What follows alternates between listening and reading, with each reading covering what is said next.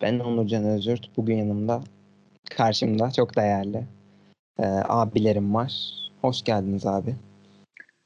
Hoş bulduk. Hoş bulduk. Sevgili Murat Çolakoğlu ve Alp Tuğdenkel ile birlikte bugün e, haftayı bitirdik. Milli araya az önce giriş yaptık Arsenal maçı. Arsenal maçına başlayalım evet sıcağı sıcağına hatta abi. E, vakit kaybetmeden çok konuşacak bir şey olduğunu zannetmiyorum zaten. Ee, içimden de gelmiyor.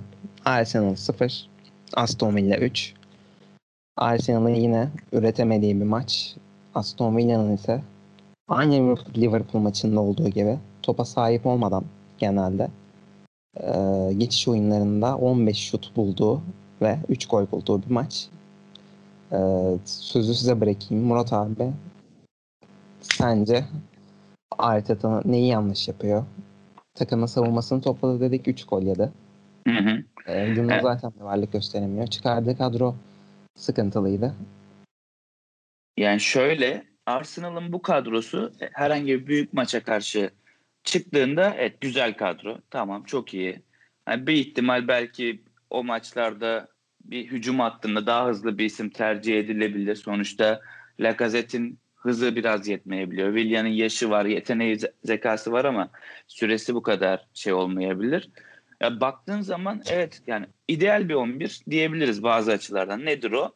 Sezona güzel başlayan işte savunma hattı kaleci Leno ile beraber dörtlü iyi. Holding beklenti düşüktü, iş yaptı. Yani Gabriel geldi, çok iyi, ayağı da iyi. David Luiz'in hatasızı diyebiliyoruz. Tierney Sol stoperde çok etkili. Tamam süper. Saka Beller'in evet yani ikisi de böyle müthiş oyuncular olmasa da Saka büyük potansiyel asist makinesi. Buna da tamam. Beller'in ya döndürüyor bir şekilde orası geçiyor. Aubameyang takımın her şeyi. Ama bakıyoruz Aubameyang bu aralar bayağı bir kötü durumda. Geçen hafta bir Manchester United'a karşı golü var. Tamam. Onun dışında bir şey yok. Şut çekemiyor, pozisyona giremiyor. Bu istatistik verilerine göre baktığımızda çok da bir şey yapamıyor. Ama buradaki sorun ya hem oyunculardan hem de Arteta'nın bu büyük maçtan sonraki maçlarda aynı kadroyla çıkıp biraz oyuna hükmedemeyişi. Evet topa daha çok sahipler ama bu topa sahip olmak bir sonuca ulaştıramayabiliyor. Rakibin daha az oynayıp senin de söylediğin gibi geçiş oyunlarıyla bulabiliyor ki işte savunmadaki zafiyetler de çıktı ortaya.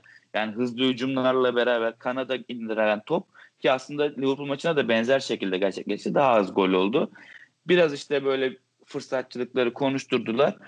Ya çok da böyle Arsenal için yani olumlu şeyler konuşamıyoruz maalesef. Kadro iyi olsa da güzel olsa da ya bir şekilde bu hani parti Elneni ikilisi evet büyük maçı içine iyi ama yani şu maçlarda Elneni abi biraz çek Elneni ne bileyim Sabayos'u koy. Daha hücumcu bir takım oluştur. İnsan bunu bekliyor. Ya ben şuradan hemen Aypto abiye de pas atacağım. Aubameyang'la ilgili. Son birkaç haftadır yani bu sezon Aubameyang'ın çok skor üretemediğini ve bunu kanatta üretemediğini görüyoruz ve bunu kanatta oynamasına bağlayanlar var. Yani belki sizler de bağlıyorsunuzdur bu konudaki fikrinizi Yok. bilmiyorum ama geçen yıl da Aubameyang kanatta oynadı ve gol kralı oldu. Ben buna bağlamıyorum.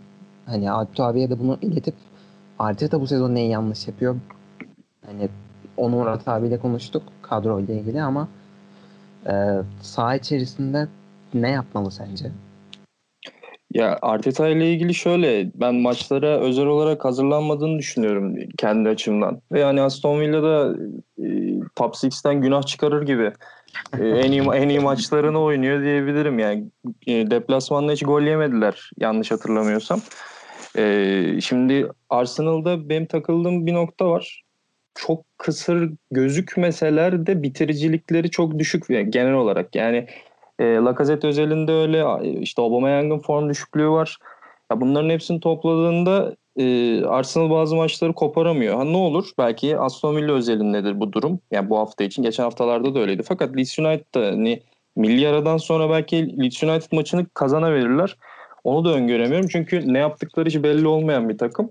Ama Arteta'da şöyle bir problem var bence de. Hani bu maçta Elneny ile başlamak gerçekten gerekli mi? Yani Elneny'nin sahada olması gerekli mi? Ya da belki de daha fazla, daha radikal değişiklikler yapabilirdi. Benim düşüncem bu yönde Arteta ile ilgili. Ya Villa'da e, geldiği pozisyonları bitirebiliyor. İstatistiklere Şöyle bir ufak göz gezdiriyorum. 15 şut, 6'sı isabetli. E, Arsenal %60 toplu oynamış ama 13 tane şut bulabilmiş. Mesela hani %40'la toplu oynayan Aston Villa'nın daha çok şut bulması, e, Arsenal'ın sadece 2 isabetli şut bulması bilmiyorum o 3. E, bölgede bitiricilik Arsenal'da çok kötü durumda. Şu ana kadar gördüğüm geçen haftalarda diyebileceğim şey bu. Arsenal'ın milli aradan sonra Leeds deplasmanı var. Ardından Wolverhampton. Ya gerçi e, içeride dışarıda çok farkı yok artık. Sonra Wolverhampton'a konuk edecekler. Ardından Tottenham'a konuk olacaklar. Bu 3 hafta muhtemelen e, Arteta'nın geleceğini belirleyecektir diye düşünüyorum ben. Hani daha net özellikle Wolverhampton maçından sonra bence daha net şeyler göreceğiz ve zaten ben Arsenal'ın çok iyi savunma yapan ve kapanan Wolverhampton'a karşı bu oyun planıyla da bir şey üretebilmesini beklemiyorum. Ee, buradan tabii ki haftanın ve e, yani Premier Lig'in en çok beklenen maçını geçelim. Belki beklentilerimizi biraz karşılayamamış olabilir. Ben oynanan oyunu zaman zaman çok beğendim ama e, özellikle Trent'in sakatlanarak oyundan çıkmasıyla birlikte Liverpool'un da akıcılığının biraz sekteye uğradığını düşünüyorum. City'nin zaten akıcı olmadığını düşünüyorum ben genel olarak bu sezon. Ee, evet. Bu sefer de Alp abiyle başlamak istiyorum abi. Maça dair beklentilerin nelerdi? Ben sıfırdan sıfır bekliyordum. Beklentim buydu benim. Geldi. Öncelikle. Araya da bunu sıkıştırarak yani Manchester City'de e, ya maçın ikinci yarısında özellikle bir takım sahadan galip ayrılacaksa bence o Manchester City'ydi. Bazı pozisyonlarda bunu rahat bir şekilde görebildim. E, ve hani ilk penaltı pozisyonu Liverpool'un e, golünde e, önceki pozisyonda Sterling'e ben böyle şeylere çok takılmak istemiyorum ama Premier Lig'de çok dikkatim bu sezon çektiği için e, Sterling'e foul yapıldığını hatta aynı sertlikte müdahalenin ilerleyen pozisyonda e, işte penaltı ile cezalandırılması konusu birazcık beni rahatsız eden noktalardan biri oldu. Ama City'nin 9 numara problemini belki işte Jesus'un dönmesiyle e, çözerse eğer daha oturaklı bir takım olabileceğini düşünüyorum. De Bruyne'nin de hani penaltı kaçırması belki de sahadan galip ayrılamamayı en çok etkileyen faktör olmuş olabilir. Ama tekrar etmek gerekiyorsa bir takım gol atacaksa yani sahadan galip ayrılacaksa o bence bugün e, çok cesur başlayan Liverpool karşısında e, diziliş açısından, sahada ilk 11 açısından Manchester City'ydi bence. Evet. Murat abi sana döneceğim. Sence böyle çok e, öngörülemez bir soru değil gerçi ama e, yani bu arada şununla başlayayım. Trent'in sakat durumuyla ilgili bir bilginiz var mı? Hani ben maç sonu açıklamalara baktım da yani milli arada yok yani İngiltere milli takımından çıkarıldı. Klopp'un söylediği bu. E, Trent'in sakatlığı ile ilgili zaten kimse de ne olduğunu anlamamış. Klopp da anlamamış sakatlığı ile ilgili. Yani bizim de anlamamamız birazcık normal. E, yarın testler yapılacak diyor. Ona göre bir sonuç belli olacak diyor. Yani birazcık hani Trent tarafında Trent de maç kaçırmadı neredeyse. Yani biraz ara ara Klopp yerine birine baktı, düşündü. Ama yani çocuk nazar değmesin çok iyi gidiyordu. Umarım ciddi bir şey yoktur. Ya bir kere hani az önce oyunun aksayışına birazcık hani şey olmuştu. Hakikaten ya bir tarafta Robertson bir tarafta Trent. Bu ikili takımın kurduğu tüm oyunlarda, çıktığı tüm hücumlarda ikisinden birisi mutlaka işin içinde dahil oluyor ya. Ya bu mesela Liverpool'u sekteye uğratır. Çok da zaten bu sezon sürekli sakatlık yaşıyor. Avrupa'da, dünyada sakatlıktan en çok çeken takım kim diye sorsalar herhalde Liverpool der kuşkusuz insanlar kilit isimler teker teker gidiyor. Ya bir bekleyip görelim bakalım. Onun dışında sen başka ne soracaktın? Ben direkt Trent deyince atladım da. Ee, ya şundan bahsedecektim abi. Ben biraz dümen kırdım. Yani sen konuşurken de düşündüm. Ee, City'nin penaltısından önce ben bir tweet atacaktım. Atamadım. Penaltı falan girdi araya. Filmin o maçta ilk 11'de başladı. Filmin onun belki de Liverpool'daki en kötü sezon olduğunu. Hı hı. Ee, hem fikirizdir bence. Bence de. Klopp onu zaman zaman yani genelde ben ondan zaten gol atmasını beklemiyorum diye savunuyor ama ben bu maçta şunu beğendim. Jota çok iyi. Yani öndeki üçlüyü bozup oraya herkes oraya Jota'yı koymasını bekliyordu Klopp'un. Ama Firmino'yu 11'de başlattı ve hani sen bu takımın evet oyundan çıktı Firmino ama bence psikolojik olarak o Firmino çok büyük bir destekti. Ee, takım için olan önemini hani sen kötü oynasan da yine 11'de başladın City karşısında. Hani taktiksel olarak düşüncesini geçiyorum. Tabii ki taktiksel bir düşüncesi vardır. Klopp'un olmaması imkansız ancak ben bir de biraz da bu açıdan baktım bu konuya. Hani katılır mısınız diye de Alptu abi sence Firmino'nun oynamasıyla ilgili Jota Firmino e, belki bir değişikliğe ilerleyen zamanlarda bu konuda ne düşünürsün? Ya bence e, tek düşüncem şu bu konuda ikisi aynı anda sahada olmamalı. Yani ya biri girecek diğeri çıkacak ama ikisinin aynı anda sahada olmasını yani çok 4-2-4 dizilişiyle sahada olmamaları gerekiyor. Farklı bir pozisyon yaratması gerekiyor Klopp onlara. Ya açıkçası ben de şöyle düşünüyorum. Yani Firmino neydi? Hücum presinde, takımın işte biraz Salah'la Mane'ye alan açılmasında, pas oyunlarında etkiliydi. Skorer tarafı bu sezon ve geçtiğimiz sezona düşüktü önceki yıllara göre. Ama yani biraz istatistiklerine bakıyorum böyle her hafta Firmino ne yapmış, Jota ne yapmış. İşte Jota geldiğinden beri aldığı kısıtlı sürede bile savunma desteğini yapıyor. Evet orta sahadan bir adam eksiliyor. Hücum tarafı 4 gibi oluyor ama Firmino zaten geriye geliyor. Jota da bunu yapıp işte ekstra işler yaptığında güzel oluyor. Tabii ki bunda şöyle bir şey var. Alpdoğ'un dediğine bir nebze katılıyorum. O da şöyle.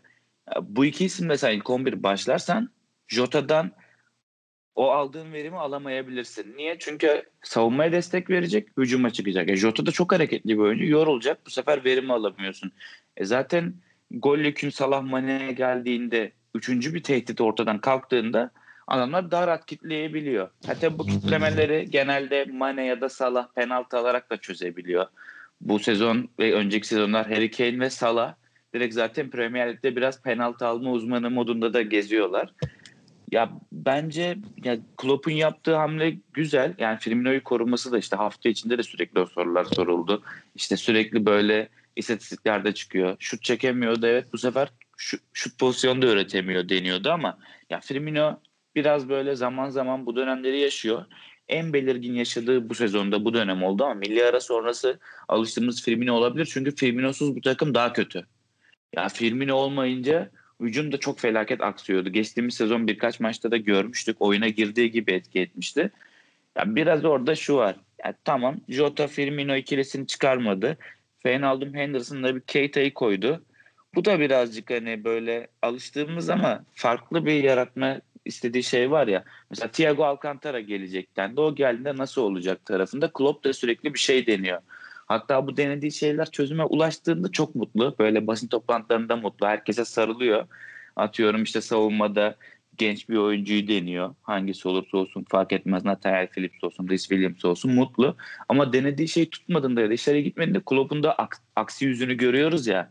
O birazcık böyle beni şey yapıyor. O denemesiyle beraber. Ya renk katıyor yani bence. Şimdi geçen sezonki gibi olmasını da istemiyorum. Yani Liverpool alsın götürsün. Biraz böyle şeyler tadını öldürüyor. Bu sezon lig gerçekten bence çok renkli ve çok güzel gidiyor. Yani Liverpool'da da böyle en azından makinenin bir tık böyle aksıyor oluşu bana tat veriyor. Ee, sakatlıklarla devam edersem yani şunu düşündüm ben yine maçı izlerken. Trent'in de sakatlanmasıyla birlikte çok uzun bir sezon oldu. Bir önceki sezon.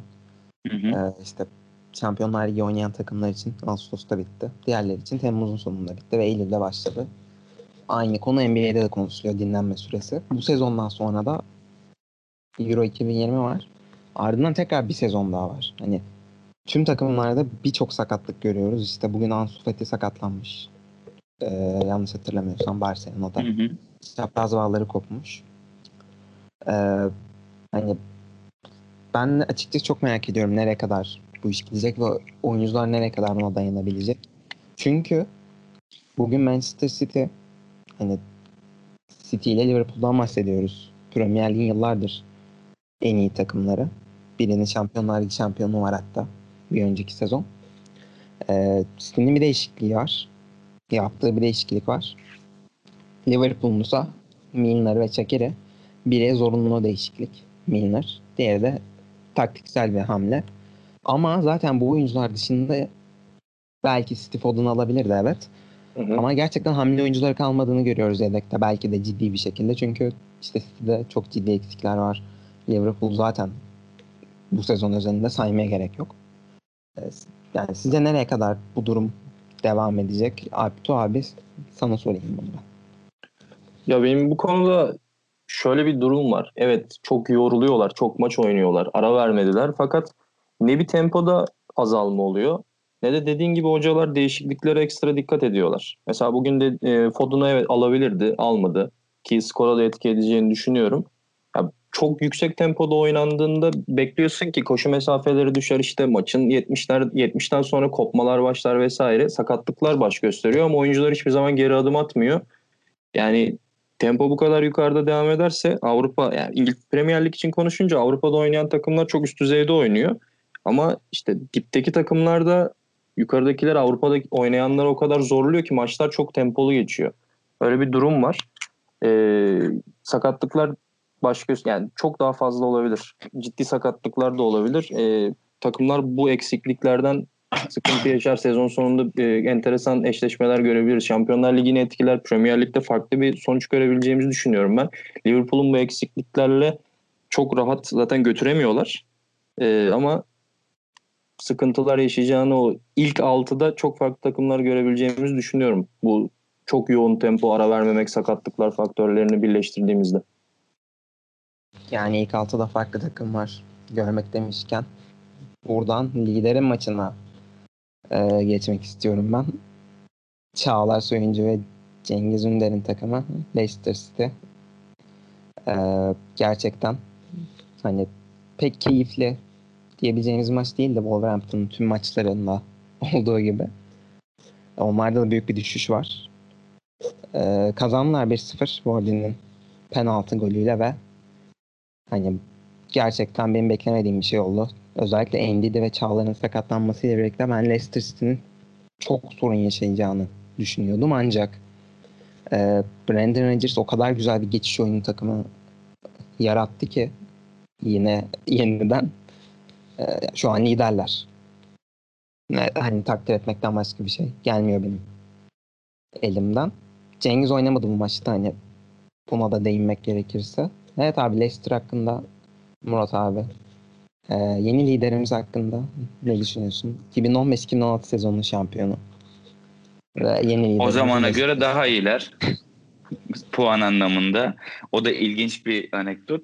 Ya senin dediklerine katılıyorum bir kere. Hani Brandon Rodgers hakikaten bu Liverpool sonrası Celtic ve Leicester'a gelişiyle beraber ustalık dönemini yaşıyor. Böyle sürekli olumsuzluklardan ya da sıkıntılardan bir şeyler çıkarmaya çalışıyor. Elinden geleni yapıyor. Ya sen dedin ya işte Çağlar gitti, Endi yok. Pereira yok. Uzun bir süredir Pereira yok bu takımda sakatlıklardan dolayı. Ki geçtiğimiz sezon Endide ve Pereira savunmada hakikaten yani Evans'la Çağlar'ı en çok rahatlatan isimdi. Sürekli top kapıyorlardı, sürekli pas arası alan kapatıyorlardı. İşte hücum tarafında da mesela geçtiğimiz sezonun en belirgin olan şey normalde Jamie Wardy nedir? Önüne topu atarsın, koşar vurur. Pas oyununa dahildi. Madison'la çok güzel bir uyum yakalamışlardı. İşte Tielemans orta sahada onları güzel besliyordu. E, sürekli bir eksiklik oluyor. Madison olmuyor. Bir problem yaşıyorlar. Ya, Pandemi dönüşü Leicester'a baktığımızda geçtiğimiz sezon işte biraz orada bir bocaladılar. Zaten ilk dört yarışından çıktılar. Bir ara işte geçen sezonda acaba mı dedirtmişlerdi ya kısa bir süre. Liverpool bir yerde takılırsa Leicester arkadan geliyor diye. Ya, o olmadı ama bu sezon yine iyi gidiyorlar. Ki bu sefer hani şey var. Hatırlarsınız geçtiğimiz sezon James Justin oynadığında çok da bir verimli olamıyordu. İşte Luke Thomas çok genç oyuncu o şans alıyor ki takımda böyle yani kim parlasa sakatlanıyor Jamie Ward'e bile. Yani o bir iki maç gitti ama yani çoğu oyuncu sakatlık problemi yaşıyordu. İyi kotardılar. Biraz ne yaptığını bilen bir takım. Yani bu maç özeline geldiğimizde de yine zaten Jamie Wardy var bir golünü atıyor. Yine bir penaltı. Yine bir savunmayı çok zorluyorlar. Buna da ekstra çalışıyorlar yani belli. Rakip savunmayı hata yapacak şekilde uğraştırıyorlar. Bunda her hafta en çok penaltı alan takım galiba Leicester'dır. Ona net bakmadım ama e, o konuda da iyiler. Wolverhampton United ya Leicester. United penaltı yaptıran takım ya bu sene. Geçen sezonda o penaltı alan takım imajı. bu sene Pogba sağ olsun oynadığı aldığı süre başına en çok penaltı yaptığı isim listesinde böyle zirvede adını yazdırmış. Dengesiz dengesiz hareketler yapıyor. Ben e, Pogba'nın hocası olsam ceza sahasına girme diye talimat verirdim maçlara. Abi ona birazdan geleceğiz lütfen. Pogba'ya tamam. Birazdan ona bile, bilenmişliğimiz var. ya Wolverhampton tarafında da abi, abi oraya kadro... lütfen pas atacağım ben. Atayım hemen. Adam atır oraya. Böyle 50 maçtır falan gol üretemiyor. Adam oraya balonu patladı diyebilir miyiz? Abi adam oturarda ilginç bir şey var. Zaten yani bitiriciliği felaket. Geçen sezon attı güzel övdük ettik de abi karşı karşıyalarda adamın sonuca ulaştırmıştı çok düşük zaten hani bir şut çektiğinde. Ama bir de bu adam yani zaten hoca Nuno Espirito Santo da bunun farkında. 90 dakika oyuncusu değil. 60 dakika oyuna 3-5 çalım atsın. Biraz tehlike yaratsın.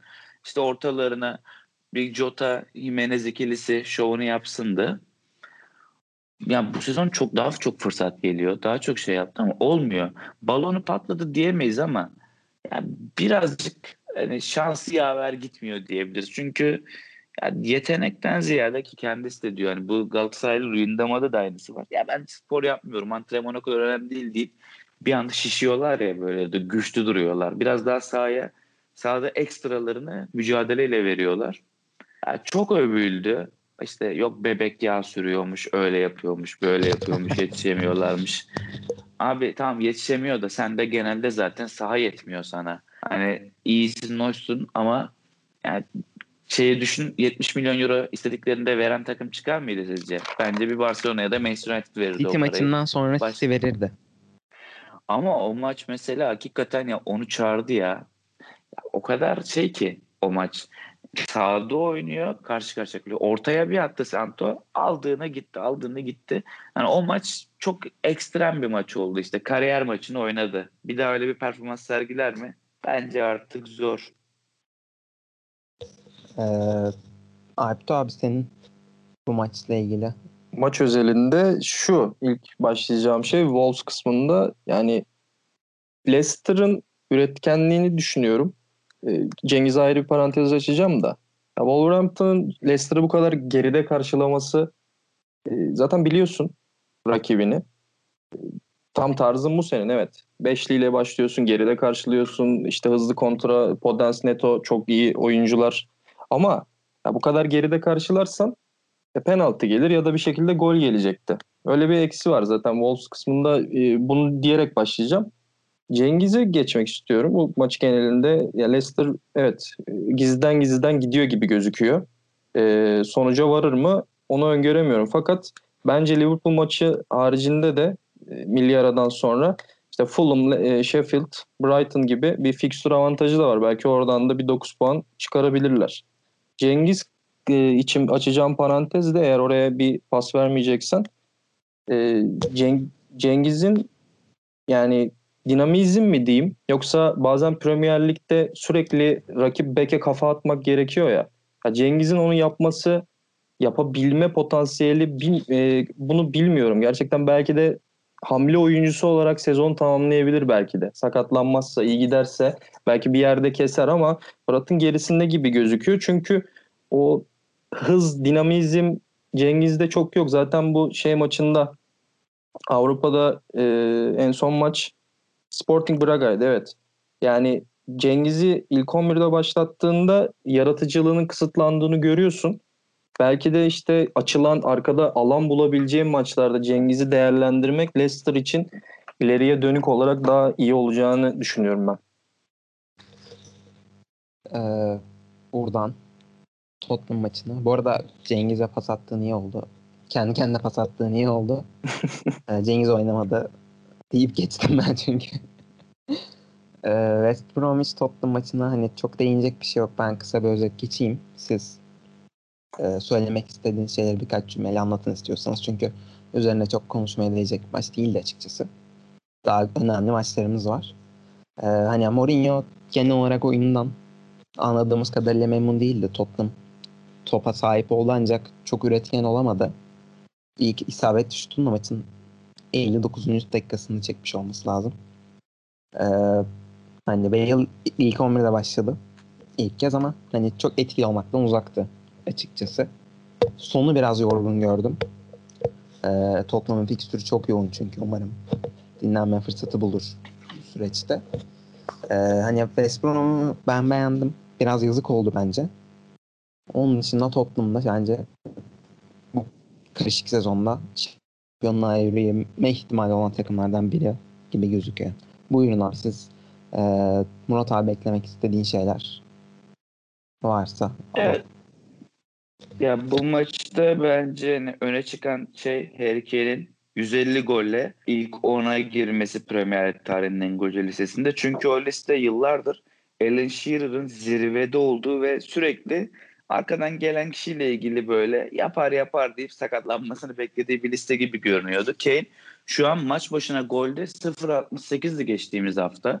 İşte 0.68'de de zirvede. En iyi oran onda. Yani orada bir güzel gidişi var. Evet senin dediğine katılıyorum. Sonda bir yorgunluk var bir de. Yani hakikaten son daha işte askere gitti, geldi, durmadı, oynadı. Yani sonda çok iyi de iş yapıyor, mücadele de ediyor. Yani zaten mücadelesi bir tık düşse arkada Loris var. Onu uyarıyor, kavga dövüşte çıkıyor orada birazcık şey var. Ya, takım yeni. Yani biraz böyle Mourinho'da aslında kaostan güzel beslenmeye şey yapıyor. Güzel de verim aldı. Yani şu takımı sezon başında ben açıkçası ilk dört adayı olarak düşünmüyordum. İşte biraz hani işte patlayabilir çünkü Mourinho takımında sürekli bir şikayet sürekli bir şikayet ama o zaman Reguilon falan gelmemişti tabii. Ona da ayrı bir parantez açmak lazım. İyi toparladılar. Yani herkesten bir şekilde verim de alıyorlar aşağı yukarı. Ama yani bence bu takımın işleyen düzeninde Bale bir süre daha 11 başlamamalı. Biraz hani Gareth Bale'in öne çıkması diğer oyuncuları da biraz etkiliyor gibi. Yani daha orada işte Moura'yı kullanabilir, Bergwijn'i kullanabilir eğer fit durumdaysa. Öyle bir şey olabilir ama Tottenham böyle çaktırmadan hafif hafif gidecek gibi görünüyor. Ee, Aypto abi sen de West Bromwich hakkında Bilic hakkında söylemek istediklerini var. West Bromwich, West Bromwich nedense Arsenal haricinde e, sempati duydum. İşte FM'de e, West Bromwich'i alarak başladığım bir takım olması ve şu an ligin dibine yani düşeceğini eminim Burnley ile birlikte bu iki takımın. Beni üzen bir şey ama Tottenham'ın da böyle bir maçta e, işte erkenden koparması gerekiyor ya ve Tottenham bunu bazen yapamıyor. Arsenal gibi Tottenham'ı da öngöremediğimiz bir e, gidişatı var. İşte Brighton maçıyla Burnley maçı e, belirleyici değildi bence. İleride e, sert bir fikstürleri var. Manchester City, Chelsea, Arsenal gibi. Muhtemelen burada Tottenham'ın akıbeti belli olur. Buradan çıkarlarsa eğer ben de Tottenham bu yıl bu karışıklıkta çünkü eksik de e, sakat da vermezlerse eğer ilk üçte hatta ilk ikide net bir şekilde olacağını düşünüyorum. Bazen kötü oynuyorlar, bazen iyi oynuyorlar ama bir şekilde bu maçta olduğu gibi sonucu alıyorlar. 3 puanları toplaya toplaya da sonuç olarak amaç buysa e, ilk 2'de ilk 3'te bitireceğini düşündüğüm bir e, takım haline geldi Tottenham. Ee, ben de buradan Kane'i tebrik etmek istiyorum. 150 gole ulaştığı için. Ee, Chelsea Sheffield maçıyla benim Pogba'yı sona bırakacağım çünkü. Öyle bir düşünce oluşturdum kafamda süreç içerisinde. Çünkü biliyorsunuz ki bir yayın akışım yok. o zaman Chelsea Sheffield'da kendi kendime paslarımı alıp atayım mı? Tabii abi. Bir kere abi kalecin olacak ya. Bu, Premier Lig'de iyi takım olman için kalecin olacak. Abi At, tutanın tutanın. Evet. Tutanın abi. Atanın tutanın. abi kesinlikle zaten. Abi şöyle bir şey var. Hani bu hafta ilk kez Premier Lig'de gol yedi. Yani yediği gol de yani Mendy yani ne, yapıyor, ne yapacaksın orada? Adam altı pasla önüne bilardo topu gibi sekmiş yemiş golü. Onda bir şey yok da. Yani Chelsea çok kötü başladı. Rezalet gidiyor. Yani Mendy değil bu arada. Övmek istediğim adam aslında bu maçta Hakim Ziye. Ama adam yani sezon başında başlasa herhalde şu an için sezonun en iyi transferi kim diye bir soru sorulduğunda aklına kimsenin başka birisi gelmez ya. Yani öyle bir oynamaya başladı ki Şampiyonlar Ligi'nde geçtiğimiz hafta Premier Lig'de yine bu maçta da yani işte Hollanda Ligi rahat lig orada o yüzden bu kadar yaratıcı orada bu yüzden skora etki ediyorların hepsini yutturdu erkenden. Yani, müthiş oynadı. Mason Mount yine aynı şekilde o kadar yıldız gelmiş hücuma geride oynuyor yine hücuma sürekli destek veriyor. Kante'yi birazcık daha çözdü. Alıştı Lampard Kante'ye. Kante ile Lampard'ın arası birazcık da Kante'den hücuma çıkması bekliyordu. Bırak Kante arkada tek başına bırak. Zaten orayı süpürüyor bir şekilde. Yani Zuma Silva ikilisi birisi yaşlı birisi sakar. Onlara bile iyi savunmacılık yaptırtabiliyor ki yani şey yaşlı maçlı ama Thiago Silva da maşallah nazar değmesin. Bir de bir oyuncuyu daha Tamam. öveyim. Ha. Yok onu övdük ya. Mendy'ye daha ne diyeyim abi gol yedi işte biraz orada şey. Ben Şilvel. Ben Tamam. Şilvel öveceğim ya. Kepa övgü, övgü listesinde Bırakın Kepa girer öveceğim. Benim de bir keyfim var bu hayatta. Abi benim en çok beklediğim takım Chelsea'ydi ya bir şekilde bu sezon bir şey yapsın. Transferleri de gördükçe böyle sanki FM oynuyorum. Gözümde dolarlar çıkıyordu. Yani Şilvel de maşallah abi her hafta bir hücuma bir destek, bir ekstra skor katkısı orada oluyor yani. Oraların topçusu olmuş yani orada ceza sahası. Alonso 3-5-2'de olurdu ya ya da Belki. 3-4-3'te Hayır. girerdi. Yani tabii onun biraz daha farklısı ama yani müthiş keyif veriyor hakikaten takım. Bence şu an için yani bu sezon Lampard böyle şu, şu keyifle devam ederse Liverpool yine kopmaz. Tottenham işte az önce ikimiz de konuştuk hani Abdullah sen de katılıyorsundur. Böyle bir oralarda yine oraların takımı. Chelsea de oraların takımı olacak gibi görünüyor. Ben Alptu abiye bir yerden pas atacağım. Şimdi diyecek ki adama Chilwell konuşturttun. Mendy konuşturttun. Bana Mount mu düşecek? Ya oğlum Mount'u ben de söyledim. bir tane bir tane yalnız adamın adını da hatırlamıyorum. Güzel bir moderatörlük örneği. Bir İngiliz spor yorumcusu şey dedi. Ee, hani Chelsea'de ilk 11'e ismi ilk yazılması gereken isim Mason Mount'tur bence dedi. Ben buna çok katılıyorum. Alptu abinin yorumlarını merak ediyorum.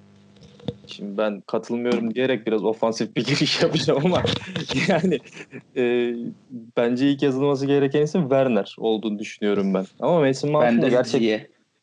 Ziyeh ile Werner ya zaten şöyle Mount'tan çıkacağım şimdi biraz ama e, şimdi ilk haftalarda şunu görüyordum. E, Kai Havertz, e, Pulisic, Werner diye bir ilk 11 başlatıyor Lampard.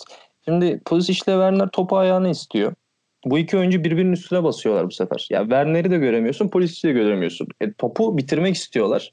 Gol atmak istiyorlar, skor yapmak istiyorlar. E, bu sefer yine ikisinden birini göremiyorsun. Bir e, maçta yanlış hatırlamıyorsam Werner 70 küsürde ilk şutunu falan atmıştı. Pulisic'ten fırsat kaldı. Werner'e verdiler topu. Ben de vurayım dedi bir tane. Yani Kai Havertz yoktu, Pulisic yoktu.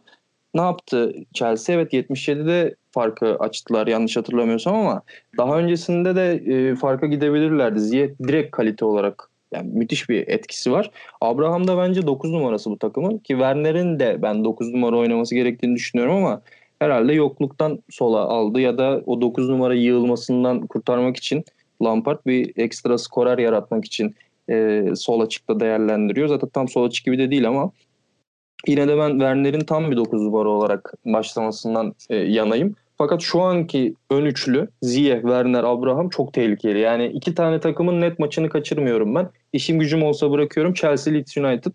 E, Chelsea'nin de en büyük şampiyon sakarlıklar olmazsa Murat'ın dediği gibi e, en büyük şampiyon adayım benim Chelsea. Mason Mount özeline dönersem orta sahada şu ana kadar Jorginho'yu çok sevenler vardır. Fakat en güven veren oyuncu bana da Mason Mount. Ee, bana en çok güven veren oyuncu Mendy diyerek. Takıma en, en son katılan iki, iki isimden biri en çok güven vermesi Kepa'nın ne kadar Beşiktaş Ee, gibi ya. En son Gezel katıldı. Ya Adam bak asist yaptı. geçtiğimiz sezon Kepa yediği gol sayısı 47 Premier Lig'de. Her maça da çıkmadı 38 maça.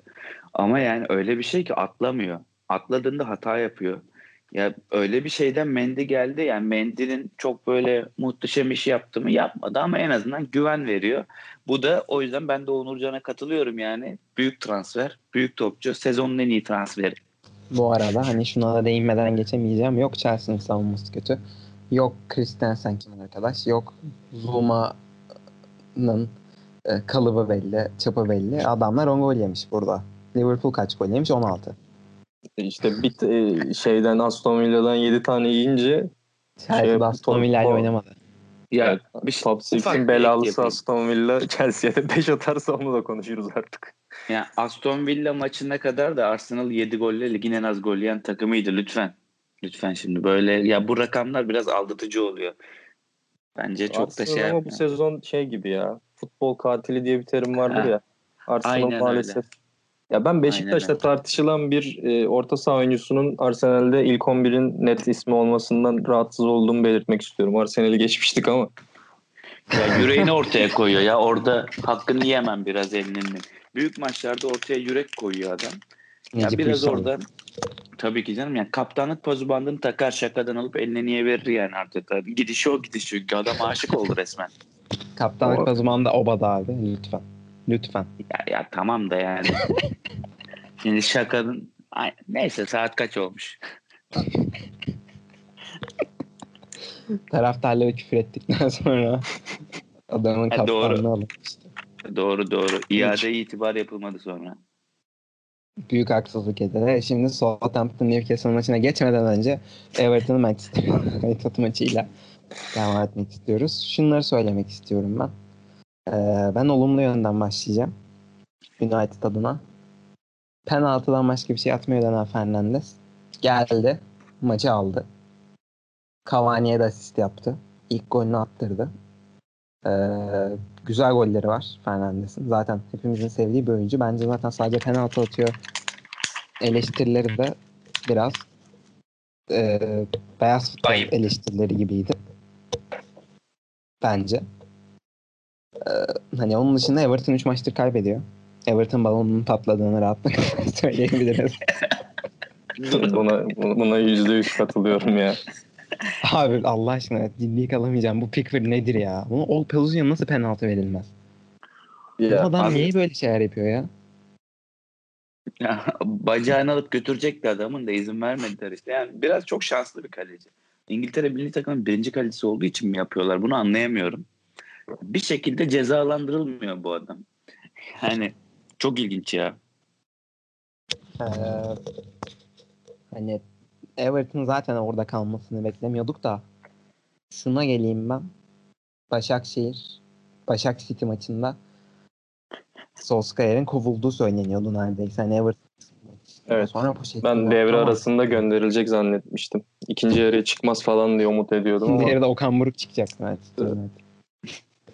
Ee, hani bu maçta birlikte sizce Ole Gunnar Solskjaer görev süresini ne kadar uzatmıştır? Ee, Hemen yak- ben o arada yaklaşık- United'ın fikstürünü açayım abi. yaklaşık 22 gün uzattığını öngörüyorum ben. Şöyle bir şey var. Bir West Bromwich maçı var.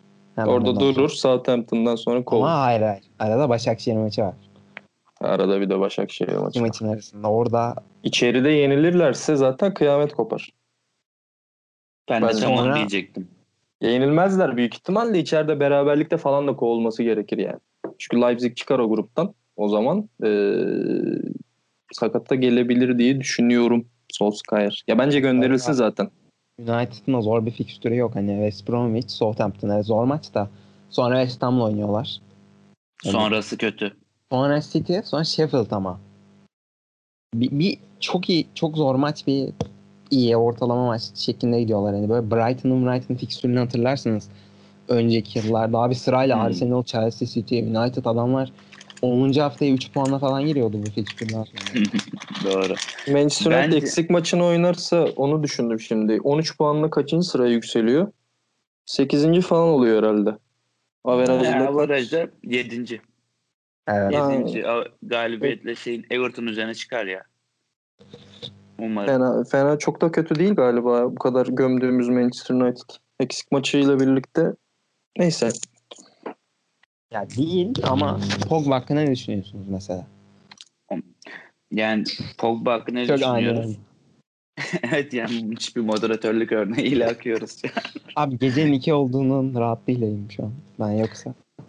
Yani Biliyorsun şimdi Pogba e, bir kere çok ilginç bir oyuncu. Öncelikle çok şey yorum yaptım böyle üstad yorum yaptım ama abi bir insan ceza sahasına girmesi yasaklansın dedik ya kendi aramızda konuşurken. Kendi ceza. Hakikaten öyle yani aşırı böyle dengesiz giden bir durum var. Yani bir şekilde bazı maçlarda bu ilerideki hücumcu oyuncuların hepsini coşturabiliyor. Arkadaşlarını rahatlatıyor. Her şeyi yapıyor ama bazı maçlarda da kontrolünü kaybediyor. Ruh hali çok değişken. hani böyle burçlardan anlayan birisi olsam büyük ihtimalle derdim hani burcundan dolayı şöyle böyle o kadar absürt bir yorum. Çünkü kimse beklemiyor bunu. Fransa milli takımına gidiyor tarihin en iyi orta sahalarından birisi dersin. İşte sezonda kritik bir an geliyor. Pogba biraz alıyor götürüyor ama hiçbir zaman sezon başına oynamıyor bu adam. Ya sakatım diyor. Sakat değilse de keyfi yerine gelmiyor. Yani bir şekilde böyle bir çözüm olacak ama acaba şey mi? Yani Real Madrid'de falan gitmeyi iyice kafasına koydu da diyeceğim. Yok da yok. Sözleşmesi de uzadı. Ne yapacak? Ne edecek? Yani kestirebildiğim bir oyuncu değil. Ya çok şey beklediğim, çok sevdiğim bir oyuncu. O, iyi oynarken böyle sahada her yere yetişiyor ya böyle. O uzun bacaklarla atıyor topu istediği yere. Topu alıyor böyle. Rakibin kafasının üzerine çıkarıyor yani. Alıyor geçiyor. Çok keyifli. Ama yani kötüsü de hiç çekilmiyor ya. Yani ben Pogba'yı severdim. Ve pandemiden sonraki performansı beni çok umutlandırdı. Fernandes işte. Bu arada hani ben şey anlamıyorum bu United'ın eski oyuncu tayfası. İşte United'ın oyuncu grubuyla Allah kolaylık versin falan Allah yardımcımız olsun açıklamalar yapıyorlar. Bence mükemmel bir hücum hatları var. İşte Rashford'ı, Martial'i, Greenwood'u, Greenwood en beğendiğim oyunculardan biridir. İşte Fernandes, Pogba, Cavani de Fred. ek- eklemesi Yeri güzel geliyor bence. Mata. Yeri evet evet 60'tan sonra atarsın Mata'yı. Abi stoperde 80 verdiği Maguire var. Beğenmiyorsun ben de beğenmiyorum ama sağ bekinde Fambisaka var. Kalecinin 50 verdin. dünyanın en iyi kalecilerinden biri. Yedeği de dünyanın en iyi kalecilerinden. Yedeği Yok, daha iyi abi. galiba evet. Evet şu sıralar. Hani siz bunun nesine beğenmiyorsunuz? Ne istiyorsunuz ki? Giggs, Giggs'e Scholes mu oynasın çıkıp yine? Ya Roy Keane'in yorumuydu o direkt. Bu oyuncu evet, grubu sosyalin başında. Ya Roy Keane'in geçen sene diyor ki Deha'yı otobüsü almam tokatlardım falan diyor. Yani Roy Keane'in yorumları genelde biraz bunun bir kuyruk acısı varmış. Alex Ferguson anlatıyor da kitabında takımdan gönderilişi şu su bu su muhabbetinde bir, bir şekilde laf edecek yer arıyor. Ya şu var abi tam o takım sahaya yürek koyuyordu. İşte Scholes'u düşün futbola geri döndürdü şampiyon yaptı. Hani tamam öyle bir oyuncu şey olmuyor da ya birazcık yani şey golü yani Başakşehir'in attığı ilk gol hakikaten bak o yorumu hak ediyor aslında. Abi bir bak değil mi bir sağına sonuna bak bir şey yap.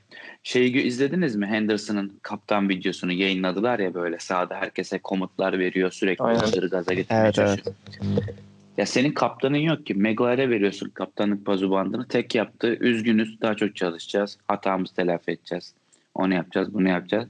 Yani takımda bir liderlik, bir bütünlük olmaması bence çok büyük problem. Ya bunu da sağlayabilecek yeni oyuncu grubu mu sağlayacak? Yok. Solskjaer sağlayacak. Yani takımda böyle lider profilinde bir oyuncu var mı diye sorarsan yok. Abi ben Rashford diye düşünüyorum karakter olarak. Ya, tabii ki. Yaptıklarıyla. Doğru doğru ama yani Kaptan olabilir şimdi- bence. Evet doğru. Adam koca. Ya ben olaya farklı bakıp mesela 11'e monte edilirse Cavani e, aralarındaki kadroda en lider oyuncu olabilir diye düşünüyorum. Abi modeli. Abi modellik evet ama biraz da hırslı bir yapısı var ya oyun yapısı olarak da. Hı hı. E, bence yani Cavani'ye de yakışabilir bu yoklukta. Ya Maguire kesinlikle değil de. E, onda Değil, fikrim. Ondan olmaz zaten. E, zaten Manchester United'ın ben stoper hattını bu arada cidden beğenmiyorum. Yani e, 80 milyon falan konuştuk biraz önce ama e, stopere takviye yaparlarsa belki hani devre arasında falan daha verimli bir Manchester United çıkabilir. Çağlar Söyüncü. Çağlar Söyüncü olur. e, Ozan olur. Tra- transfer şeyini transfer gecesi programına çevirmeyeyim daha fazla da bir sürü opsiyon var şey için. Wellington olur. Olur. Ya maç özelinde de şöyle Everton maçı için de bir şey diyeceğim. Ee, Everton taraftarı Ancelotti için Fantastico Magnetico baya şey e, pankartı açtıktan sonra Ancelotti'nin basireti bağlandı herhalde. Ya Baş aşağı bir gidiş var. %100 katılıyorum ona Caner'de. Hani Fantastico Magnetico falan değildir. Onu da görmüş olduk. Giderler Tamam. abi. 5 5 hafta sonra gider Ancelotti. %100 Ya ben de- katılıyorum ama yani kadro genişlik yani kadro da çok dar. Mesela James Rodriguez'i çekiyorsun bir şey kalmıyor işte Richarlison'un yok. Ne yapacaksın onu bilemiyorsun. Sigurdsson ben Sigurdsson'u bilmiyorum ya. Yani teknik direktör ol, olsam ciddi söylüyorum 18'e sokmayacağım adamlardan biridir Sigurdsson. Çok enteresan futbolcular var ama e, Ancelotti'ye de bir iyi öldür hakkını yeme modeliyle Bernard'ı 11 başlatmıyor başlatmıyor diye e, çok laf söylüyorlardı. Bernard'ı 11'de bir başlattı. 19. dakikada galiba ki oyunu da tümüyle bir ara ilk yarıda özellikle sol kanattan yönetti tek başına. E, Bernard bence o konuda Richarlison'un yokluğunda özellikle e, çok kaliteli bir futbolcu. Yani örnek vereceğim e, 2-1 Newcastle ya da işte Southampton maçında şey yapabilirdi. Bernard'la başlayabilirdi. Artı bir de eklemek istediğim maç için Fernandez'in ilk golünde iki stopere dikkat ederseniz Oldgate'deki niye e, kafa topuna bile çıkmıyorlar. Yani ayakları ikisinin de yerde sabit dururken Fernandez golü atıyor. Ya bu da e, aşırı nasıl söyleyeyim? Yani o sorumluluk mu diyeyim artık o konsantrasyon kaybetmek mi diyeyim tamamen onunla alakalı. Kafa topuna nasıl çıkmazsın? Bu garip bir durumdu. İzlerken çok şaşırmıştım. Tekrar geri al, alıp baktım. Hiç mi çıkmamışlar? Ayakları hakikaten yerde mi diye. Cidden çok rahat bir şekilde gol atmış Fernandez. Ama e, katılıyorum Fernandez evet. E, form grafiği yukarı çıkan sadece penaltı atıyor diye eleştirilmesine rağmen ilerleyen dönemde Cavani'nin de entegre olmasıyla asistleriyle daha çok öne çıkacaktır diye tahmin ediyorum. Ama Solskjaer'de devre arasını görmez bence. Ee, Southampton Newcastle maçı ile ilgili Murat abi eklemek istediğim yani konuşmak istediğim bir şey var mı? Plus kısmına geçmeyi düşünüyorum çünkü. Tamam. Son sadece bir şey söyleyeyim. Hazen Atul çok iyi hoca. Hakikaten takımda güzel sistem yapıyor. Newcastle adına söyleyecek hiçbir şey yok. Gerek yok yani. Bence Southampton çok güzel oynayıp aldı da götürdü maçı. Onlar da zirveye tutundu be. Yani evet. 9-0'lık Ve maçtan sonra kancası. güzel maç. 9-0'lık Leicester maçından sonra 385 gün falan olmuş herhalde.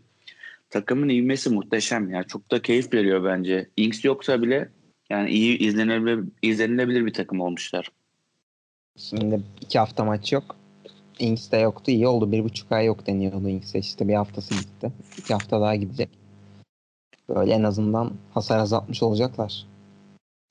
Ee, plus kısmı için sözü ben biraz size bırakmayı düşünüyorum ama hani Bir dakika Bayern moderatör Dortmund- bey burada müdahale etmek durumunda kalıyorum. Leeds United şanlı Bielsa konuşulmayacak mı bu programda? abi Bielsa e, Benim hocam. Benim hocam. Benford iyi topçu. Öncelikle. Ben şunu diyerek aradan çekileceğim. Ben bu Crystal Palace'ın neden maç kazandığını ve neden Premier Lig'de kalmaya devam ettiğini hani anlamlandıramıyorum. Anlamlandırabilen varsa çıksın açıklasın. kime vereyim, Yani- kim açıklamak ister abi bunu, bu durumu? Crystal'a gelince muhabbet tıkandı buradan. Bir yere gitmez herhalde Crystal'dan da kimse üstlenmedi. Yani ben çok sevmiyorum bu takım. Yani seviyorum da öyle aşırı sevgim yok. Çok ilginç bir takım. Yani baktığın zaman aşırı hantal bir geri hat. Yani hücuma katkı vermesini beklemezsin kolay kolay böyle. Yani biraz işte böyle Van Aanholt falan coşuyor ara ara çıkıyor da. Abi orta saha desen full savunmacı. Ama işte Zaha'dır, şudur budur bir şekilde denk getiriyorlar ya. Yılda 8 galibiyet alır. Ne yapar? 24. Biraz da beraberlik. İşte 40'a falan yaklaşsın. Ligde kalmaya garantilesin. Crystal Palace kontağı kapatıyor. Şimdi yine 13 puan aldılar. Birkaç galibiyet daha gelir. Böyle işte kalan ilk yarı bitene kadar. Sonra ligin ikinci yarısında 3-5 galibiyet. Abi yani çok bir şey beklememek lazım. Bu kadroda da yani Zaha Maha bir şekilde şov yapıyor. İlginç takım ya. Hiçbir şey denmez. 4-4-2 denemişler bu maç Crystal tarafı. O da garip. Ya Nathaniel Klein'la Van Aanholt belki bu back problemini yani Van Aanholt da ona ayak uydurur belki. Net e, şey back bindirmelerini bu yıl görebiliriz belki diye düşünüyorum ama Crystal gerçekten vasat altında bir takım genel itibariyle. e, Leeds'in de sezona çok iyi başladıktan sonra üst üste puan kayıpları yaşadığını görüyoruz. Ne yolunda gitmiyor Leeds'te sizce? Yani yolunda gitmeyen nedir? Hani ben zaten çok bu arada başarılı olmalarını beklemiyordum sezon genelinde. Çünkü e, takım sahibi de öncelikli hedefimiz birkaç yıl ligde kalmak şeklinde konuşmuştu. Evet kaliteli oyuncuları var ancak e, öyle bence en azından Premier Lig'de ilk ona girebilecek en azından şu konjüktürde çok iyi takımlar var. Çok organize takımlar var. Ee, öyle bir kadrosu zaten yoktu ama hani çok iyi başlamışlardı. Bizi biraz umutlandırdılar açıkçası. Bu düşüşü neye bağlıyorsunuz siz ee, Murat abi? Ya çok iyi bir kadrosu yok. Evet ama ya birazcık şey de oluyor. Onlar şimdi tempo yapıp böyle iyi hazırlanıyorlar ya maçlara. Gerçekten yüksek tempolu bir takım. Zaman zaman aksamalar olabiliyor çünkü bu tempoda hata yapmaya çok müsait oluyor. Yani yedikleri gollerde de böyle genelde şanssızlık hakim. Ya bir şekilde böyle ava giderken avlanabiliyorlar. Çok fazla böyle golü isteyen bir takım oluyor. İşte hem Leicester maçında hem Crystal Palace maçında ki Crystal Palace maçında yedikleri üçüncü gol. Yani kaleci birazcık şey Messier ne yapsın ne yapacak hani bir anda adama çarpıyor ve kapattığı köşeden çok ilginç bir gol diyor. Her maçta da böyle şeyler yaşıyorlar. Ya hücum gücü de ya çok denese de yani Patrick Bamford evet gol atıyor. İyi de bir golcü. Ama yani tek başına kalıyor. Birazcık daha böyle yani ekstralar gelirse iş yapar. Ya katılıyorum size. Yani ilk 10 takımı ya da böyle zirve oynayabilecek bir takım değil. Ama yani geçiş sürecinde çok az da bir aslında harcamayla ki harcama yapılan oyuncuları da çok az görüyoruz sahada. İşte bir stoper var. Daha şeyi de göremedik çok fazla hücum hattında Rodrigo'yu. Bakalım yani bence güzel bir geçiş sürecindeler ama hani Bielsa hocam iyi bir şey hazırlıyor. Ama bu kadrodan bence verimi de güzel oluyor. Ben büyük maçlarda izlemeyi daha çok seviyorum lise. Onu da söyleyeyim. Ya evet şey durumu var. Ben Bielsa'yı hiç eleştirmeyi düşünmedim açıkçası. Championship'ten beri takip edip hani burada evet e, ilk altı falan beklemiyordum ama yine de bu hızlı başlangıç biraz umutlandırmıştı beni de. Hoca çok obsesif. Yani özellikle bu Jack Harrison konusunda e, sürekli sol açıkta azimle Jack Harrison'ı görmemiz beni çok rahatsız eden faktörlerden biri. Hani hazır olmayabilir. Evet, Rod, mesela e, Rodrigo yoktu bu maç. Rafinha'yı oynatabilirdin.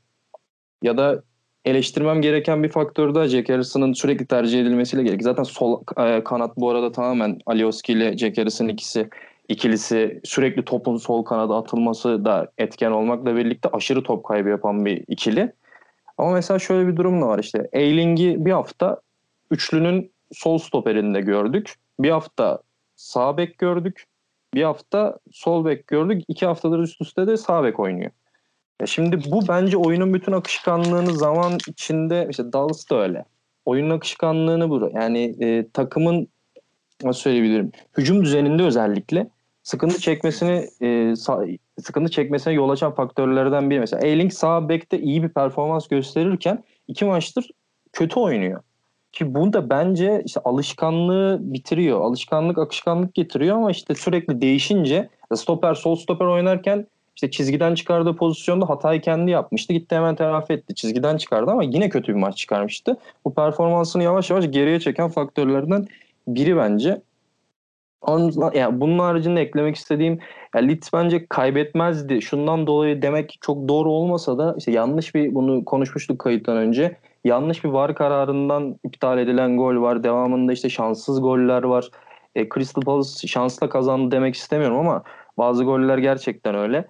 E, belki Leeds United işte Rodrigo'nun daha doğru kullanılmasıyla Jack Harrison'dan vazgeçmekle Rafinha'nın kadroya e, girmesiyle birlikte daha yaratıcı hiç yoktan ataklarını daha net sonlandırabilen bir takım olarak çünkü çok da gol buluyorlar ama bazı pozisyonlarda da çok top ezdiklerini görüyoruz. Ama şey vardı hani maçı anlatan e, da söylemişti. Rakibi de oynatıyorlar. Yani oyun çok müsait e, gol olmasına. O yüzden çok keyif veriyorlar. Ama sadece keyif vermeseler ve puanları da toplayarak ilerleseler çok daha iyi olacak diye düşünüyorum. Herkese var, Leeds'e yok diyerek Dortmund Bayern maçına geçebilir miyim? Çok güzel bir bağlı. Ma- manşet atıldıktan sonra Dortmund Bayern Münih. Ee, ben maçı izlemedim dönen gol. ama e, sonuç beni tatmin etti. Her zaman güçlünün yanında olan bir insan olarak. Bayern'in kazanması beni mutlu etti. Lider yine hak ettiği yerde. Ee, sizlerin bu maç hakkındaki aslında çok önemli bir maç tabii ki. Ama Premier Lig'in gündeminde maalesef. Mesela Leeds Crystal Palace maçı bile 10 dakika konuşulabiliyorken bu maç bizim için arka planda kalıyor doğal olarak. Evet abi. E, Murat abiyle başlayayım. Alptu abi biraz nefeslensin. Ne düşünüyorsun abi? Dortmund yine başaramadı. Ama bu sefer geçen yıldan sonra biraz daha yaklaştı sanki. Ee, pandemi sonrasındaki maçtan sonra. Ya, yaklaştı. Şöyle de bir şey var. Yani bir kere sen az önce bir Bundesliga'ya biraz laf ettin ama pandemi sürecinde pandemi sürecinde biz maçsız kaldığımızda kapılarını Bundesliga açtı yenerken. Diğer ülkeler daha ne yapacakken adamlar gayet güzel bize seyir zevki yüksek. Sürekli deplasmanın kazandığı maçlar izletti. O yüzden ben büyük maç olduğumu kaçırmamaya çalışıyorum genelde. Ee, Leverkusen gerçi sevdiğim oyuncular da hep Premier Lig'e geldi. Orası ayrı da. Yani şimdi baktığımız zaman bu maça dair beklentim hakikaten bol gol. Lewandowski gol atsın, Haaland gol atsın. Keyifle izleyelim oldu. Hakikaten de yalnız yani iki tane gol makinesi. Biraz işte Dortmund tarafı gençleriyle beraber yağ gibi de akıyor aslında takım. Yani şeyi düşünsene. İşte 16-17 yaşında çocuklar Bayern Münih'e karşı sahada forma giyiyor ve işte yapıyorlar. Bayern Münih tarafına baktığımızda da işte atıyorum Alfonso Davis yok. Koymuyor takıma. İşte sağ bekte kim eksik oluyor. Orta sahada eksik oluyor. Tolisi olmuyor. Kim bir şey orta sahaya geçiyor. Sağ beke Sar geliyor. Üçüncü maçında adam keyif veriyor. Yani izlemesi keyifli ama böyle tabii senin dediğine de geliyor. Yani Premier Lig'in tadını da alamayabiliyorsun. Ama abi bence yani bu maç sezonun en güzel maçlarından birisi olmaya aday isim olarak. E, keyif olarak da öyle iyiydi yani. Bir şey diyemiyorum ben de açıkçası. Ya ben bunun Bundesliga'ya 0-0 biten Burnley Fulham maçını izlemeyi, banttan izlemeyi tercih ediyorum. Kişisel bir tercih olarak. Ee, hı hı. Çok futboldan bu söyleyememden sonra futbolu anladığım iddia edilemez tabii ki. Ee, Estağfurullah. Alptu abi sana geçiyorum ben. Ee, hemen puan durumunu açtığımız zaman tabii ki lider. Münih'i görüyoruz. Leipzig ikinci. Dortmund'da üçüncü sırada. Ee, sence sezonun gidişatı nasıl şekillenecek? Dortmund hakkında hani genel bir yargı var sürekli genç oyuncularla oynamaları ve takımın kendi kendine büyümemesi bundan dolayı işte Sancho seneye gidecek Haaland 2022'de gidecek. Onların yerine gelen oyuncular olacak ama 21 yaşındaki Haaland aslında bu takımın en tecrübeli oyuncularından biri olacak bir anda. Hücumdaki Royce saymazsak. Hani Dortmund bu gidişatla daha çok Bayern'le böyle maçlar kaybetmeye devam eder diyebilir miyiz? Bence e, yani şampiyonluk yarışında tabii ki ikinciliği garantilerler yine her zaman gibi. Fakat hani e, şöyle bir beklentim var Dortmund'dan. Şampiyonlar Ligi finalinde Liverpool'un eksiklikleri, diğer takımların form bulamaması, işte çok tempolu oynanması, ara verilmemesi falan gibi faktörleri birleştirdiğimizde nedense Şampiyonlar Ligi finalini bu yıl Dortmund'la e, Bayern Münih yaparmış gibi bir düşüncem var. Barcelona ile eşleşirse Dortmund çıkar oradan. Real Madrid ile eşleşir, eşleşirse çıkar. Lazio'ya yenildiler evet 3-1 ama yani bu nazar boncuğudur diyebilirim en fazla. Ee, o, ama Bayern Münih kalitesinde şöyle de Bayern Münih eksiklikleri olduğu halde Murat'ın dediği gibi bu maçı da işte berabere bit- bitebilirdi yadırgamazdık derdi ki eksikleri var. Ama buna rağmen e, skor çok rahat üretebiliyorlar. Zaten bunu hani tartışmam da eminiz hepimiz kazanacağından. Yani berabere gitse yadırgamayız ama çok enteresan bir takım o yüzden. Dortmund'da da yapacak bir şey yok. Dediğin gibi işte Reyna daha kaç yaşında? 17, 17. 17 yaşında değil mi? Şimdi Real Madrid muhabbeti e, konuşuluyor. Haaland için işte Los Galacticos tekrar kuruluyor. İşte Mbappe'ler, Haaland'lar gelecek konuşuluyor. E, Dortmund tutamaz yani oyuncuları elinde. Buna yapacak hiçbir şey yok. Yani Real Madrid çıkar parasını verir sonra bir şey alır. Ona yani Dortmund'un bir gün geldiğinde bu oyuncular 25-26 yaşında hala Dortmund'da oynarken görebileceğimizi zannetmiyorum. Bunun tek örneği Aubameyang olarak kalır herhalde. Aubameyang çok geç transfer yapmış bir oyuncu bence. E, Royce zaten takıma aidiyetten dolayı gitmedi. E, Dortmund cephesinde buna yapacak hiçbir şey yok. Çok iyi top oynuyorlar ama e, muhtemelen kadroyu e, tutamayabilirler. Inter Atalanta maçına geçmek istiyorum ben buradan. Ben şu konudaki hayal kırıklığımı belirteceğim burada sadece. Conte Inter evliliğinin ilk başında ben açıkçası Inter adına çok daha fazla umutluydum. Ama geçen sezon, sezon, sezon pandemiden sonraki performansları ve e, bu sezonun girişleri açıkçası beni e, hayal kırıklığına uğratmaya devam ediyor ki bu arada bu maçta hani Lukaku'nun sonra da oyuna girdiğinde söylemek istiyorum. Hani performans yükselen çok fazla oyuncu var Conte ile ilgili ama buna rağmen tabii ilk örnekte Lukaku dünyanın en iyi santrforlarından birine dönüştü. Bir anda United'da bekleneni veremeyen yedek adam e, figüründen dünyanın en iyi santrforlarından birine dönüştü. Her maç gol atıyor. Ama olmadı sanki. Hani yine bir şey var ve Inter yine üst sıralarda değil. Ve şöyle bir sezonda üst sıralarda değil. Üst üste puan kaybı yapmış Juventus'un altındalar mesela şu anda ve hani orada da Ronaldo döndü artık geçmiş olsun diğer takımlara.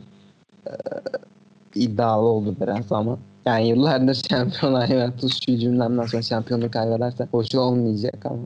Ee, bu maç hakkında düşüncelerinizi alabilir miyim Sayın Arto abi? Ya bu maç özelinde benim en önemlisi şuydu. Ben üçlü savunmayla ilgili iki tane yazı yazmıştım. 3-4-3'te 3-5-2 karşılaşınca en çok en merak ettiğim şey e, hangi takımın galip ayrılacağı oluyor. Yani bütün maçın önüne geçiyor bu durum. Oyuncu özelinde izlemektense berabere bitti. E, öyle bir kazanan taraf göremedik maalesef. Ama e, Atalanta'nın kazanabileceğini de düşünüyordum maçı izlerken. Inter cephesinde işte Lukaku olayı 74'te oyuna girdi e, diyorsun. Şöyle olabilirdi bence. E, birinden feragat etmek gerekiyor ve 3-5-2'de işte Lautaro Martinez'i geri çekmen gerekiyorsa belki de e, belki Vidal'den feragat edip Lukaku ile Sanchez ikilisini önüne koyabilirdi. Bilmiyorum. Onun haricinde yapabileceği de pek fazla seçenek kalmıyor. Elindeki en iyi yani Lukaku'yu yine dışarıda bırakıyoruz enteresan bir şekilde ama Atalanta karşısına çıkacaksan elindeki en iyi kadroda bu oluyor. Onda yapacak hiçbir şey yok. Ee, evet Murat abi o bu arada hani plus kısmımıza yakışacak bir konu oldu. Ben şimdi gördüm. Valencia 4, Real Madrid 1. Ee, Pochettino hocamı galiba United'dan önce Real Madrid kapacak. Ben de tam onu diyecektim hakikaten. Yani uçak bir oraya gidiyor bir oraya gidiyor ama Pochettino hocamın gönlünde Real Madrid yatıyor bence. Oraya gidebilir ki. Abi bu ne? Soler penaltı. Varan kendi kalesine soler penaltı, soler penaltı. yani bir şey diyeceğim hani ben bu maçı izlemedim. Yani... Doğradılar o zaman Madrid'i. Bu konuyu direkt böyle. Valencia'nın 4 yani... sabit şutu var. yani onlar da penaltı. Ve gollerden biri kendi kalesi. Ya kendi kalesine atmış. Yani şu an açıkçası böyle bir skor, böyle bir şey. Şu maçı izlemek lazım. Yani açacağım bunu 90 dakika izleyeceksin. Hakikaten çok ilginç ya. Soler'e bak sen yani adamlar ne oldu ne yaptınız siz geleni indirdiniz mi böyle sniper var köşede de böyle geleni indiriyor öyle bir mavze olmuş sanki bu kadar çok penaltı nasıl oldu bir de kendi kalesine atmış yani son yılların en ilginç maçı yani şu maçı kaçırmışız biraz Manchester üzdü savunması gelmiş bugün sahaya hadi ee, orası diye sağladı çözdü de evet evet yani 3 sağ bek, sol bek, stoper. Üçü de penaltı yaptırmıştı o maçta. Yani bir işte şey Laporte muydu? Kim yaptırmadı? Şey, Laporte yaptırmadı Ake. herhalde.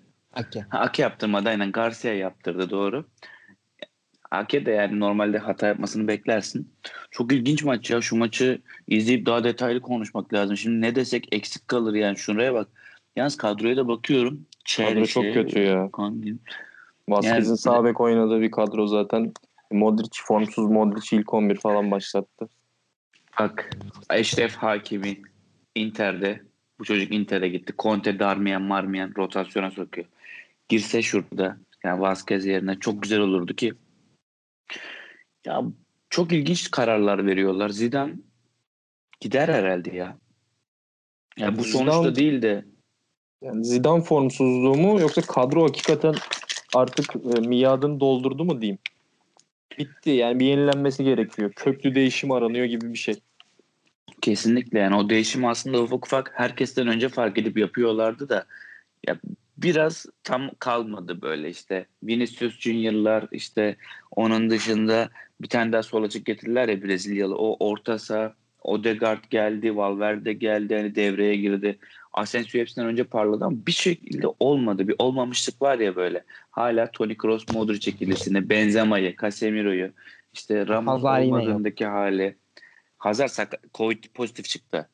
Yani Yine yani abi Olmadı ama. bu yana hiç Yok, olmadı bir- ve hani olmaz da Olduğunda da olmadı. işte ya. aslında. Peki bir şey diyeceğim. Hazard Pochettino onun tedrisatından geçse 30'undaki o- Hazard nasıl olur? Yani şu Yani kötü kadroda mecbur zaten Hazard oynatmaya. Sıfırdan yenileme devre arasında bir yenilik yapamayacağı için e, mecbur bir gazla diyeyim. Hazard'a verilmiş bir gazla belki bir tık daha e, ya skor bulamıyor zaten Hazard çok ilginç bir şekilde. Belki Hı hı. farklı bir pozisyon denenebilir ya. Yeni bir yaratıcı bir radikal bir değişiklik olabilir. Hep sol kanat oynamak zorunda değil. Bence de. Ya bu arada yani Real Madrid bu sezon yapmayıp gelecek yıl işte Haaland, Mbappe, Camavinga üçlüsünü birden de alabilir. O kadroyu da Zidane ister herhalde o kadroyla çalışmak ya. Düşünsene Ama orta sahaya dayanabilir mi? İşte ya abi o kadar şey yapmış şimdi Şampiyonlar Ligi üstü 3 kere kazanmış. Ligde şampiyonluk gelmiş. Ya bu sezonda diyemezsin işte Real Madrid orası. Yani bu sezonda yok sayalım diyebilir misin? Ki Daha zaten önce kovuldu bu adam ama. Ya istifa etti. Yani şey Real Ronaldo'nun gideceğini duyunca ben olsam Tabii ben canım. Ya Real Sociedad şampiyon olsun ya da Villarreal falan. iki tane Nihat Kahveci takımı. O zaman bak sıkıntı olmaz. Zidane gider de hani Barcelona'da da bitik halde. Yani bence şu sezonu bir şekilde tamamlayıp böyle keşke hani Zidane şey de diyor olabilir. Ulan bu yaz alsaydım adamları. Boş verelim de bütçeti. Şu an alternatifi de yok. Yani kadroya bakıyorsun işte Nacho sağ bek oynuyor. Yeri geliyor. Yani hücuma çıkmaz. Çok ilginç takım ya. La Liga çok tatsız bir lig ya. Bence de. Yani Sociedad inşallah şampiyon olur ama buna %100 katılıyorum. Atletico olsun ya. 20 Devre gol atmış 4 gol yemiş. Harika Arda gidiyor. Turan Harika. transferiyle şampiyon. Sociedad. adamlar iki gol yemişler. Atletico. Atletico mu? Ha? Ben, ben devre Arda hamlesi şampiyonlar. Doğru. Atletico Madrid. ya Suarez gol makinesi oldu orada da. Barcelona şimdi arıyor mudur acaba? Messi her gece Skype'tan görüşüyor. Her gibi ya. gece Suarez'le görüşüyor değil mi? Messi hakkında ne düşünüyorsunuz abi? Açtığınız konu hazır. Yürüyen halleri. Sahada ilk defa penaltı dışında gol attı. Geçtiğimiz cumartesi sanıyorum. Evet cumartesi. Messi Ee, düzenini yazık kurmuş. Düzenli kurma hakikaten. Hamle oyuncusuna dönüşür biraz iyi. sonra sıkılıp. Atanı iyi tutanı iyi niye böyle oldu dedim. Anlamadım. o gerisi yok işte. Fatih'de Abi bu gitti. takım- Kaç, kaç ay yok? Çaprazı Ya. kopardıysa 6 Sezon. ay. 6 ay. Klasik 6 ay manşetinden atalım. Ama bu takım yani Puyol oynuyorken bile bir tane stoper arıyordu. Stoper yok. Orta saha Xavi gitti bir şey lazım. Hakikaten. Iniesta gitti ya. bir şey lazım. Ya bir de şey yani ben de açık konuşayım yani ben Şampiyonlar Ligi'nden Şampiyonlar Ligi'ni izliyorum Barcelona'yı. Yani çok da izleyemiyorum biraz işte.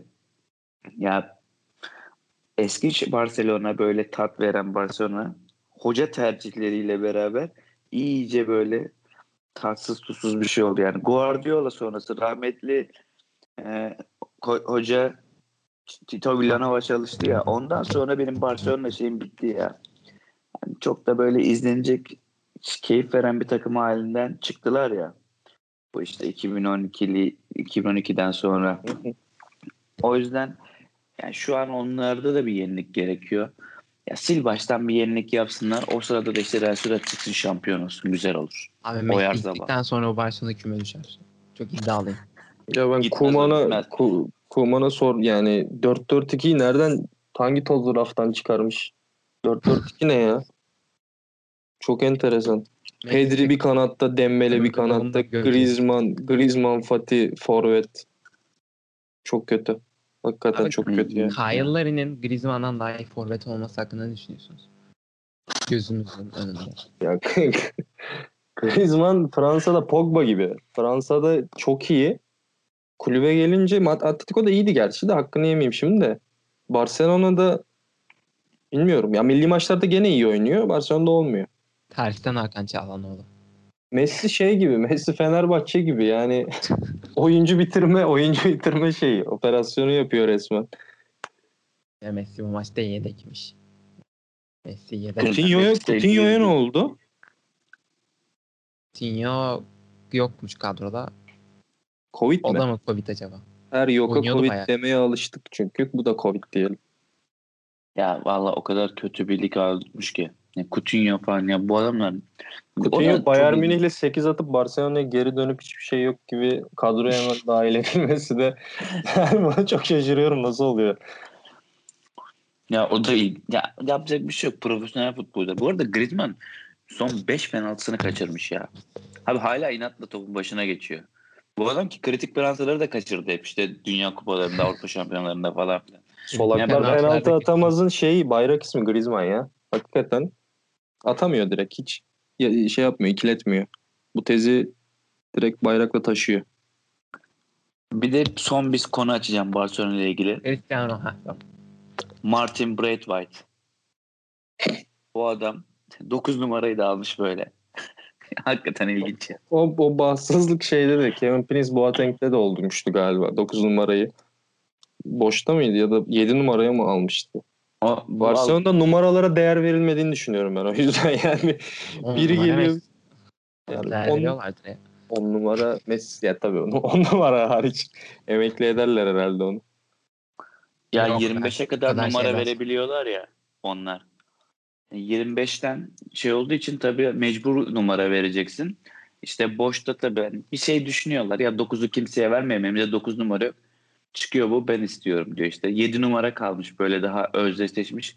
O onu alıyor. Abi bırak işte bir kuruş kuralı da salsınlar. Ver işte abi Brad White'a 78 ver.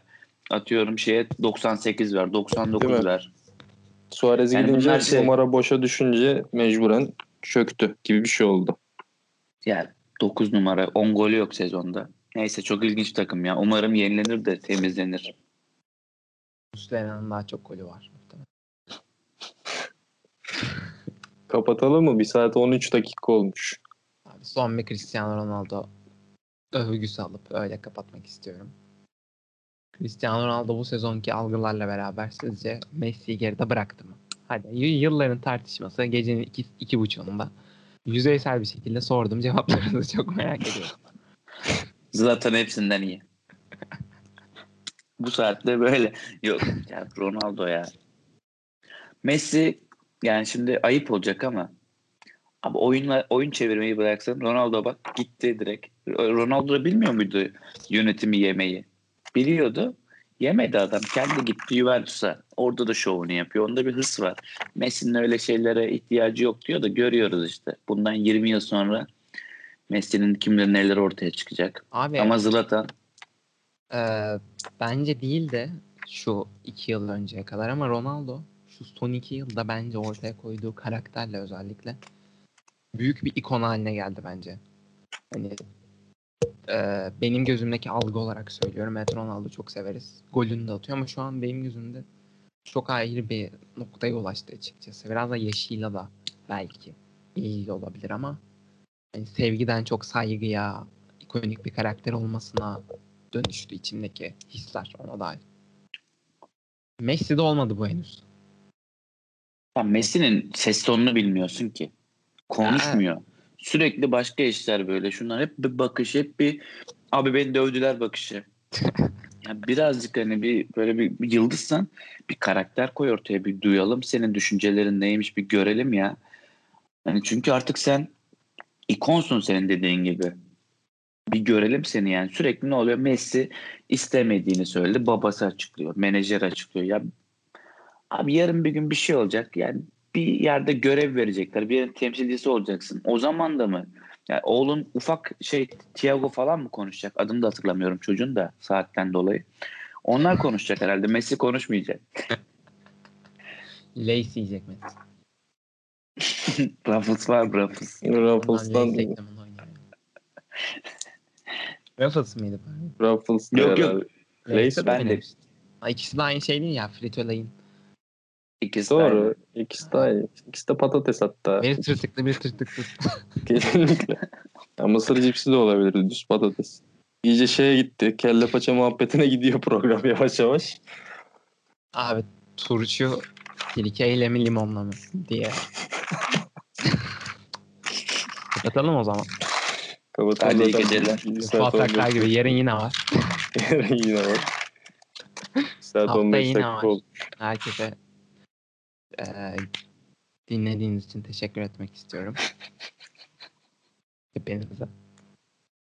Murat abiye ve Abdü abiye de yorumlarından dolayı eee, teşekkür etmek istiyorum. Şimdi Biz de sana var. moderatörlüğünden dolayı teşekkür edelim de. Rica ederim abi. Daha rezil bir moderasyon olamazdı. Estağfurullah. Ya ben eğlendim. Umarım siz de. Umarım dinleyenler de ve eğlenmiştir. Ya biz de eğlendik de buraya kadar dinledilerse onlara da Evet. teşekkür ederiz. Herkese iyi geceler diliyorum. Geceler dilemeyelim.